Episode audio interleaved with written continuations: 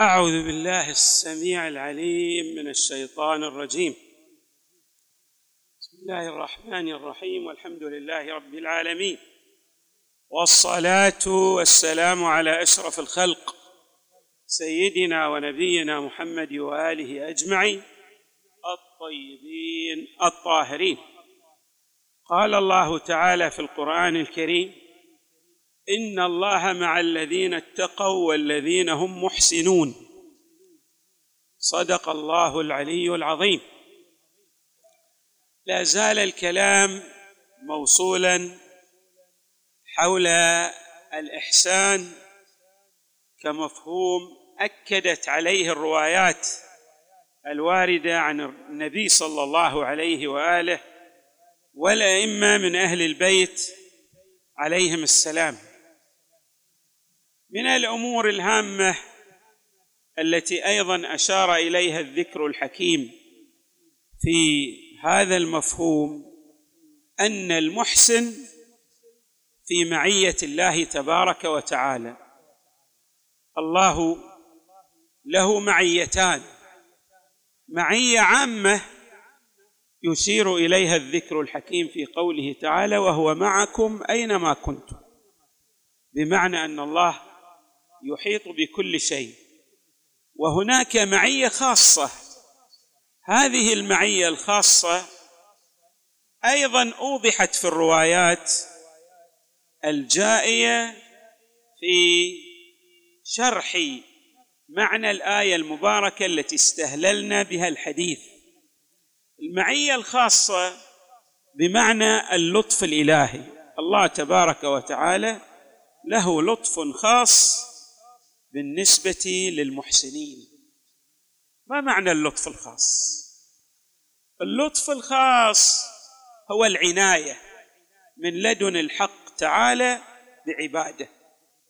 عندما نقول إن الله تعالى له لطف خاص أي له عناية خاصة. هذه العناية تجعل الإنسان يقترن بالتوفيق. كلما هم بأمر يقربه إلى الله وجد أن الشرائط والأسباب متوافرة وبالتالي يصل إلى مقاصده ويحقق مآربه بسهولة ويسر حتى أنه يتعجب كيف يصل إلى مآربه بتلك السهولة وذلك اليسر. الروايات أيضا الواردة شرحت هذا المفهوم. ورد عن علي عليه السلام المحسن معان. المحسن الذي يحسن إلى الناس ويحسن إلى نفسه هو في إعانة من عند الله تبارك وتعالى. والعكس من ذلك المسيء إلى الناس المسيء مهان. يعني أن الله يقطع عنه أسباب التوفيق. أيضا ورد عن علي عليه السلام المحسن حي وإن نقل إلى منازل الأموات. يعني هذا الإحسان يجعل ذلك المحسن كالشهيد. كيف يكون الشهيد؟ حتى وإن انتقل إلى دار الآخرة له حياة خاصة يرفل في نعيمها كذلك الإنسان المحسن هو حي كالشهداء. أيضا أشارت الروايات إلى حيثية جميلة بل غاية في الجمال. ما هي هذه الحيثية؟ هي أن الذي يحسن إلى الناس يعيش الارتياح النفسي. بمعنى يعيش السعادة والطمأنينة والأنس في نفسه. لاحظوا هذه الرواية. كل محسن مستأنس. ما معنى الأنس؟ يعني يعيش السعادة. الإحسان من الأمور التي توجب السعادة والطمأنينة. والحياة النفسية المطمئنة. ولهذا لما الحق تبارك وتعالى إن الله مع الذين اتقوا والذين هم محسنون. كل هذه الأحاديث تشرح هذه المعاني التي جاءت عن النبي صلى الله عليه وآله والأئمة عليهم السلام. أيضا هناك رواية إنك إن أحسنت فنفسك تكرم وإليها تحسن. وإنك إن أسأت فنفسك تمتهن وإياها تغبن. يعني هذا الإحسان بالتالي إلى من يرجع؟ كما عبر الحق تبارك وتعالى إن أحسنتم أحسنتم لأنفسكم. الإمام أمير المؤمنين يقول أن هذا المحسن في الحقيقة يرفع من كرامة نفسه يرفع من علو قدره. يجعل منزلته منزلة المقربين من عند الله تبارك وتعالى. نعم الإحسان أيضا له ثمرات. أشارت إلى هذه الثمرات الروايات الواردة عن النبي صلى الله عليه وآله والأئمة من أهل البيت. خلنا نشوف بعض الثمرات ولعلنا ألمحنا إليها فيما تقدم. شخص يسأل رسول الله صلى الله عليه وآله عن والدي والده كافر ولكنه كان من المحسنين بمعنى الذين يفعلون الخير إلى الناس ولكنه لا يؤمن بالله تبارك وتعالى. السائل يقول إن أبي كان يقري الضيف. يعني إذا جاءه ضيف أكرمه ويكرم الجار ويفي بالذمة يعني يحافظ على عهوده ويعطي في النائبة إذا جاءت كربات وملمات إلى الناس تراه من المبادرين. فهل ينفعه ذلك؟ وإن مات مشركا؟ لاحظوا النبي ماذا يقول لهذا السائل. قال أما إنها لا تنفعه في الآخرة. لماذا لا تنفعه في الآخرة؟ لأن النفع الأخروي. بمعنى النبي صلى الله عليه وآله يقول العيش في جوار الله في جوار أنبيائه. أن يصل إلى منازل الفردوس الأعلى هذه ما تؤثر هذه الأعمال إذا لم تقترن بالإيمان بالله تبارك وتعالى. كل شيء له شرط شرط تأثير هذه الأعمال الإيمان بالله تبارك وتعالى. لكن هل لها تأثير آخر؟ لاحظوا النبي صلى الله عليه وآله ماذا يقول؟ يقول ولكنها تكون في عقبه. إنهم لن يخزوا أبدا.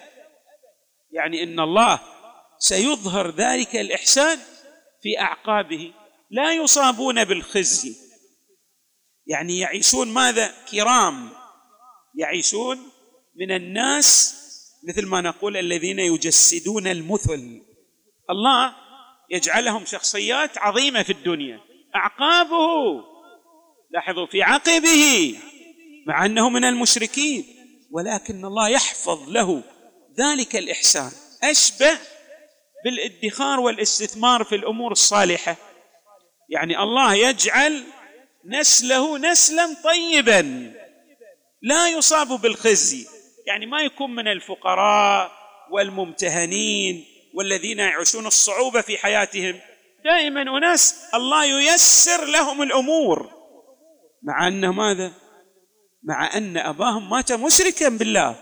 ولكن ذلك الإحسان بالرغم أنه قد يخفف عليه العذاب في عالم البرزخ. وأيضا لا يصل إلى الدركات السفلى في النار أيضا يستفيد ولكن لا يصل إلى تلك المنازل التي يتبوأها المقربون الصالحون الذين آمنوا بالله تبارك وتعالى. اذا لاحظوا النبي صلى الله عليه وسلم تكون في عقبه إنهم لن يخزوا ابدا ولن يذلوا ابدا ولن يفتقروا ابدا حتى الفقر لا يصيب اعقاب خصائص للمحسنين تكون في أعقابهم. يعني إذا كان هذا من المحسنين كأنه يستثمر في الأجيال التي ستأتي من أولاده. أحفاد الأحفاد من أحفاده أيضا يعيشون الكرامة والشخصيات التي ماذا نقول؟ لها تقدير في مجتمعها. من الأمور التي أكدت أيضا عليها الروايات مكافأة الإحسان بالإحسان. والله تبارك وتعالى هل جزاء الإحسان إلا الإحسان؟ يعني ينبغي أن تكافئ المحسن بإحسانه. إذا أحسن إليك شخص من الأشخاص ينبغي أن تثني على ذلك الإحسان. حتى إذا ما كان بالإمكان أن تقابل الإحسان بنفس ذلك الإحسان عليك أن تثني أن تشيد بمن أحسن إليك.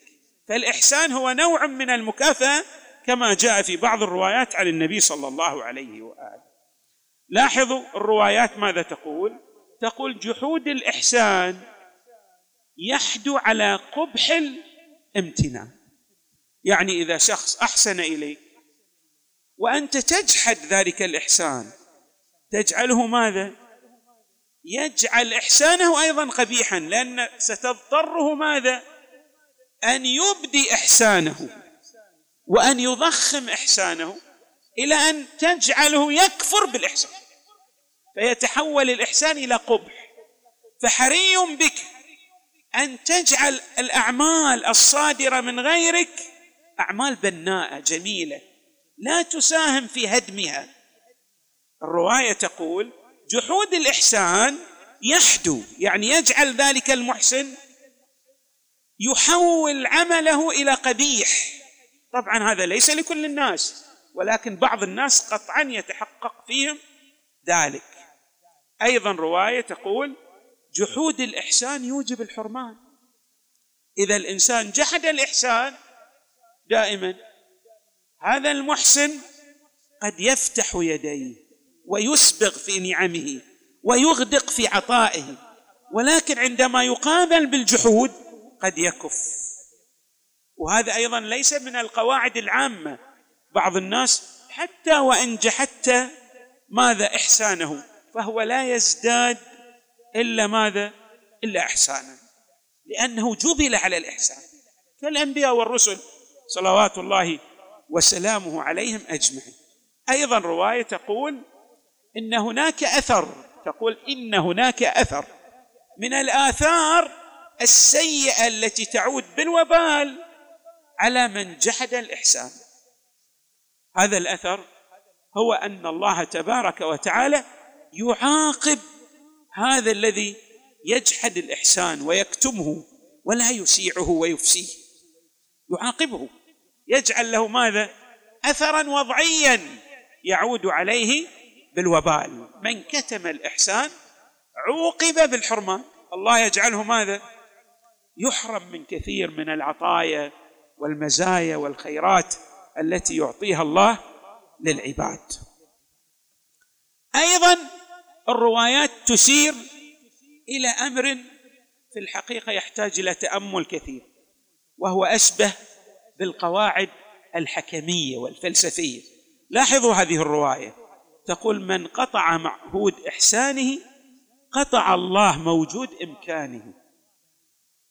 من قطع معهود إحسانه قطع الله موجود إمكانه.